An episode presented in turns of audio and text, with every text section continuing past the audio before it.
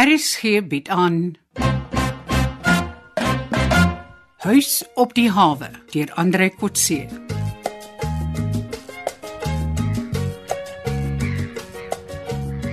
O, oh, Rina my liefling, Ag, ek het so na jou verlang. Gee my 'n drukkie. 'n Drukkie. Dit sal die dag wees. Na 3 weke net 'n drukkie. ek spring sommer op jou.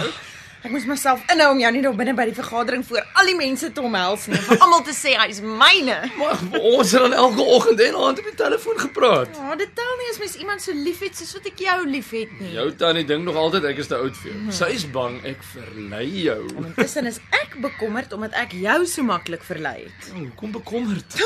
As ek dit so maklik kon regkry, hoe maklik sal iemand wat regtig beeldskoon is en ervaring het jou nie kan verlei nie? Iemand soos Connie. Ag, sy's mooi en sy trek mooi netjies aan, maar sy het darm niks van jou jeugtige en eerlike skoonheid nie. Ons is baie verlief op jou. Hoe kan jy dit sê? Ek sien op die vergadering hoe sy na jou kyk. Met net soveel bewondering as ek en my tannie. Ek, ek is bly Connie is nou aan ons kant en sy speel maar net saam met Boelie om vir hom en sy stroopers en smokkelvriende in te katrol. Hm, so jy seker is nie andersom nie. Wat bedoel jy? Dat Connie dalk net saam met jou speel om inligting vir Boelie te gee. Dit was nogal in 'n stadium so, maar sy het die lig gesien. Is Jy seker van haar lojaliteit. Ja. Moes jy 'n prys betaal vir haar lojaliteit? Wat insinieer jy my liefling Rina Nel? Nee, ek wonder maar net. Wat gaan arme Connie uit hierdie verbintenis met jou kry? Sy lê duidelik by jou aan, Anton. Sy lyk 'n bietjie van 'n flerry, maar sy's 'n kandidaat ou jong nooi en aanvaar enige aandag van mans. Sy het al met elke man wat naby die huis kom 'n date gehad. Ja, Boelie wou al vuislaan oor haar. Is dit nie hoekom Boelie jou so haat nie? Probeer jy my bang maak met boelie of met die baie vroue in my lewe? Ek wil net weet hoe sterk jou verbintenis met Connie is. Is jy ewe lief vir haar as vir my? Jy eie verskoning om uit ons verbintenis te kom. Ja, ek wag nog vir 'n verbintenis. En intussen beskuldig jy my van veel wywery Nee, maar ek probeer jou lojaliteit toets. teenoor jou. Ja, Kom dan hier. Dan kan ek jou wys hoe iemand met lojaliteit kan soen. nee, ek dink jy soen elke vrou wat jy wil, dat hulle knieë lam word en knak. Waaruit bestaan jou toets dan? Jy het gepraat van 'n verbintenis. O, wil jy keus? Is dit wat julle fossiele dit genoem het? Nee. Dis iets wat bakvissies op universiteit doen. Nou wat dan? Meer ernstig. Wel, in daardie geval is die tyd dalk nou ideaal. Hoekom? Ek soek iemand by wie ek 'n lening kan maak. Iemand by wie ek eersdaags R50000 rand sal kan leen. Oh, by my. Dis bietjie onvanpas, maar ten minste is jy nou op die regte spoor. Hoekom onvanpas? 'n Man moet eers iets vra voordat hy so baie geld wil uitgee. O, maar wat dink jy ek sal dankie geld mors? Presies, Anton, gaan jy nooit die vraag vra nie. Kom, kom ons wag net tot môre aan. Kom môre aan. Ek's baie besig, Rina. Vanaand moet ek nog Hermanus toe gaan. Môre gaan ons almal see toe en ek hoop dan môre aand het ons baie om te vier. Ja, ja. Kom sit net bietjie by my vir 'n halfuur. Ek gaan nie vanaand die nodige vraag uit jou uitkry nie.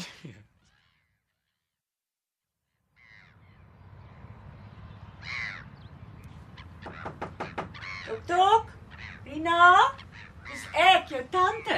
Waar's jy? Uh, ons kom uh, t- uh, Tannie, ek sê net gou hallo vir Anton. Oh, Ekskuus. Ehm ek wou net vir jou kom vra. sien jy kans vir hierdie waagstuk? Hallo Oh, Anton. Ekskuus, ek het nie geweet jy's hier nie. Wa- Wat 'n waagstuk nou Tannie? Om soos 'n lammetjie in 'n leeukuil op 'n Chinese plesierboot afgegooi te word. Sien nou die mense vaar met jou weg na die ooste toe. Ja, ek vertrou maar vir Anton. Hy wil nie vir my die regte vrae vra nie, dan doen ek maar intussen wat hy van my vra. Oh. Voel vir my asof hulle jou as 'n lokvink gebruik. Ek wou net vir jou sê ek is daarteen. Tannie mens moet soms 'n kans vat.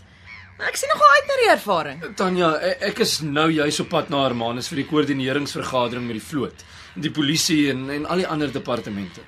Ek is seker die een wat die meeste omgee vir Rina. En neem my woord. Ek sal nie toelaat dat die dames môre op Boelie se skieboot klim as ek nie absoluut seker is dat alle maatreëls getref is vir Rina en Connie se veiligheid. nie. Ja, Ek is bly. Ek sal vanaand vir jou hier by die huis wag totdat jy terug is en dan vertel jy vir my of jy nog gerus voel dat die planne so moet voortgaan. Dis regs. Ek sal ook vanaand se terugkom terugvoer kry oor enige moontlike veranderings in Boelie se planne. Hoe op aarde gaan jy dit kry? Connie sien vanaand vir Oulaas vir Boelie. O, en waar sien jy vir Connie? Dalk bel ek haar net. Dalk snik haar by haar woonstel hier in die huis. Ooh, Ooh, dis waarvoor ek bang is. Daai konnie is gevaarliker as Boelie. hoor. Ag Rina, jy's laf. Connie werk al die laaste paar weke saam met ons teenboelie. Ja, ja, hoor daar, Rina. Ons moenie mekaar begin wantrou nie.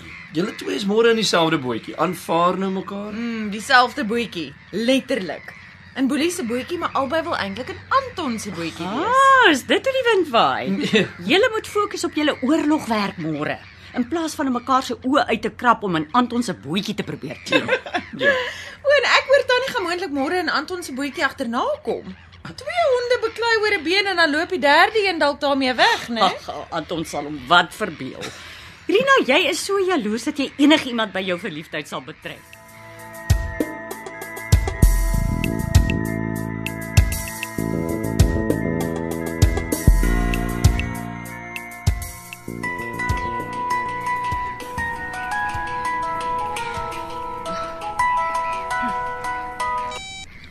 Hallo Anton, is jy op pad terug? Ja, Tanya, ek kan ek maar gesels. Ja, Rina is hier by my in die kantoor, my sel is op luidspreek. Is die kantoor deur toe? Jy hoef nie bang te wees nie, hier's niemand naby nie, maar ek maak die deur toe. Be- Behalwe jou beminde. O, hallo my liefling. Hoe gaan dit met jou? Hallo Marcus Antonius, ek leen jou my ore.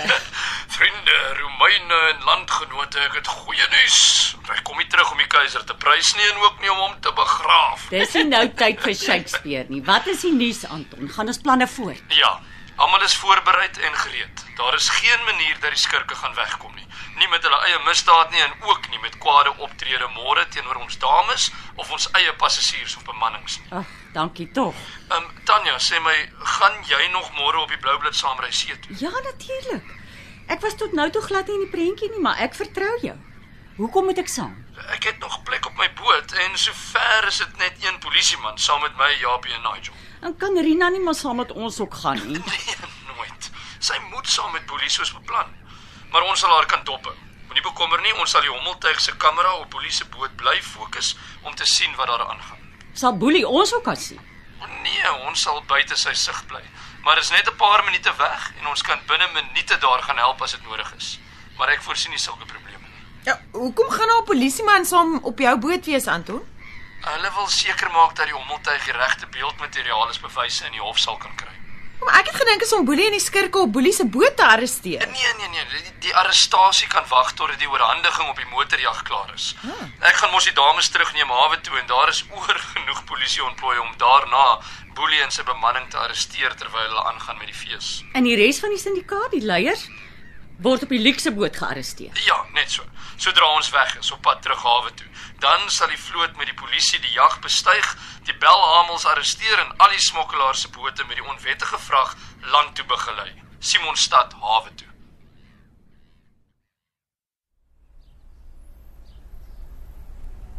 Sjoe, Boelie.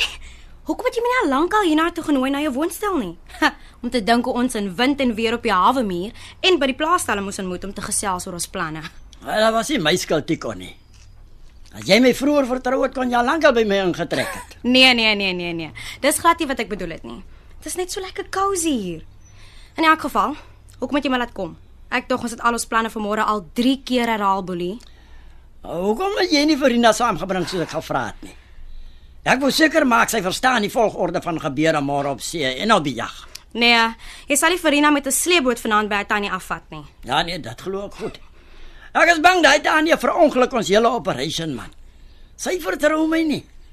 Ek sal nie verbaas wees as hy môre wil saamry na die jag toe nie. Net om seker te maak haar niggie kom nie iets oor of word ontvoer nie.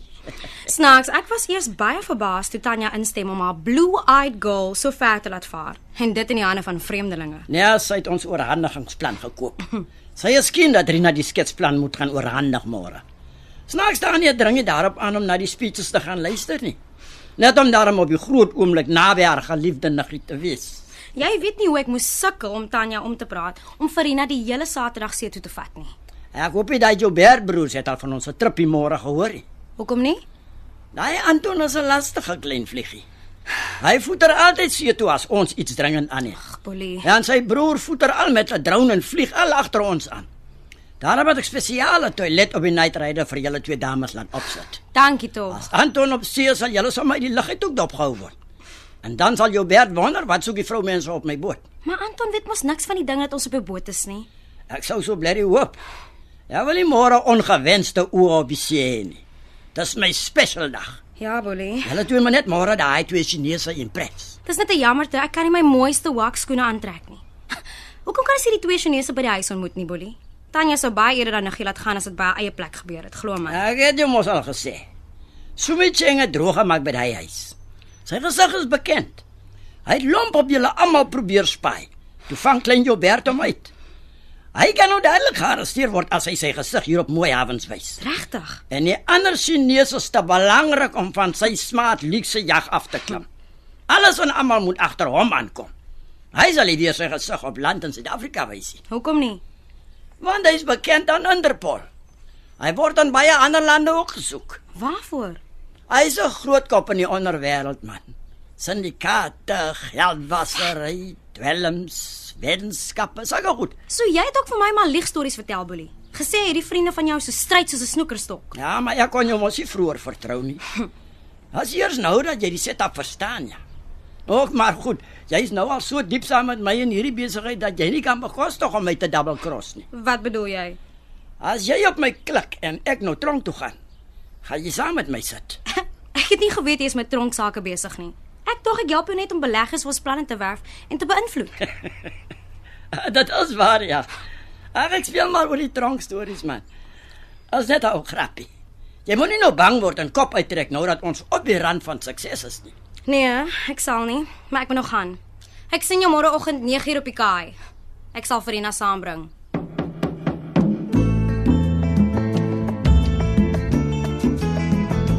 Uitgeluister na Huis op die hawe deur Andre Kotse.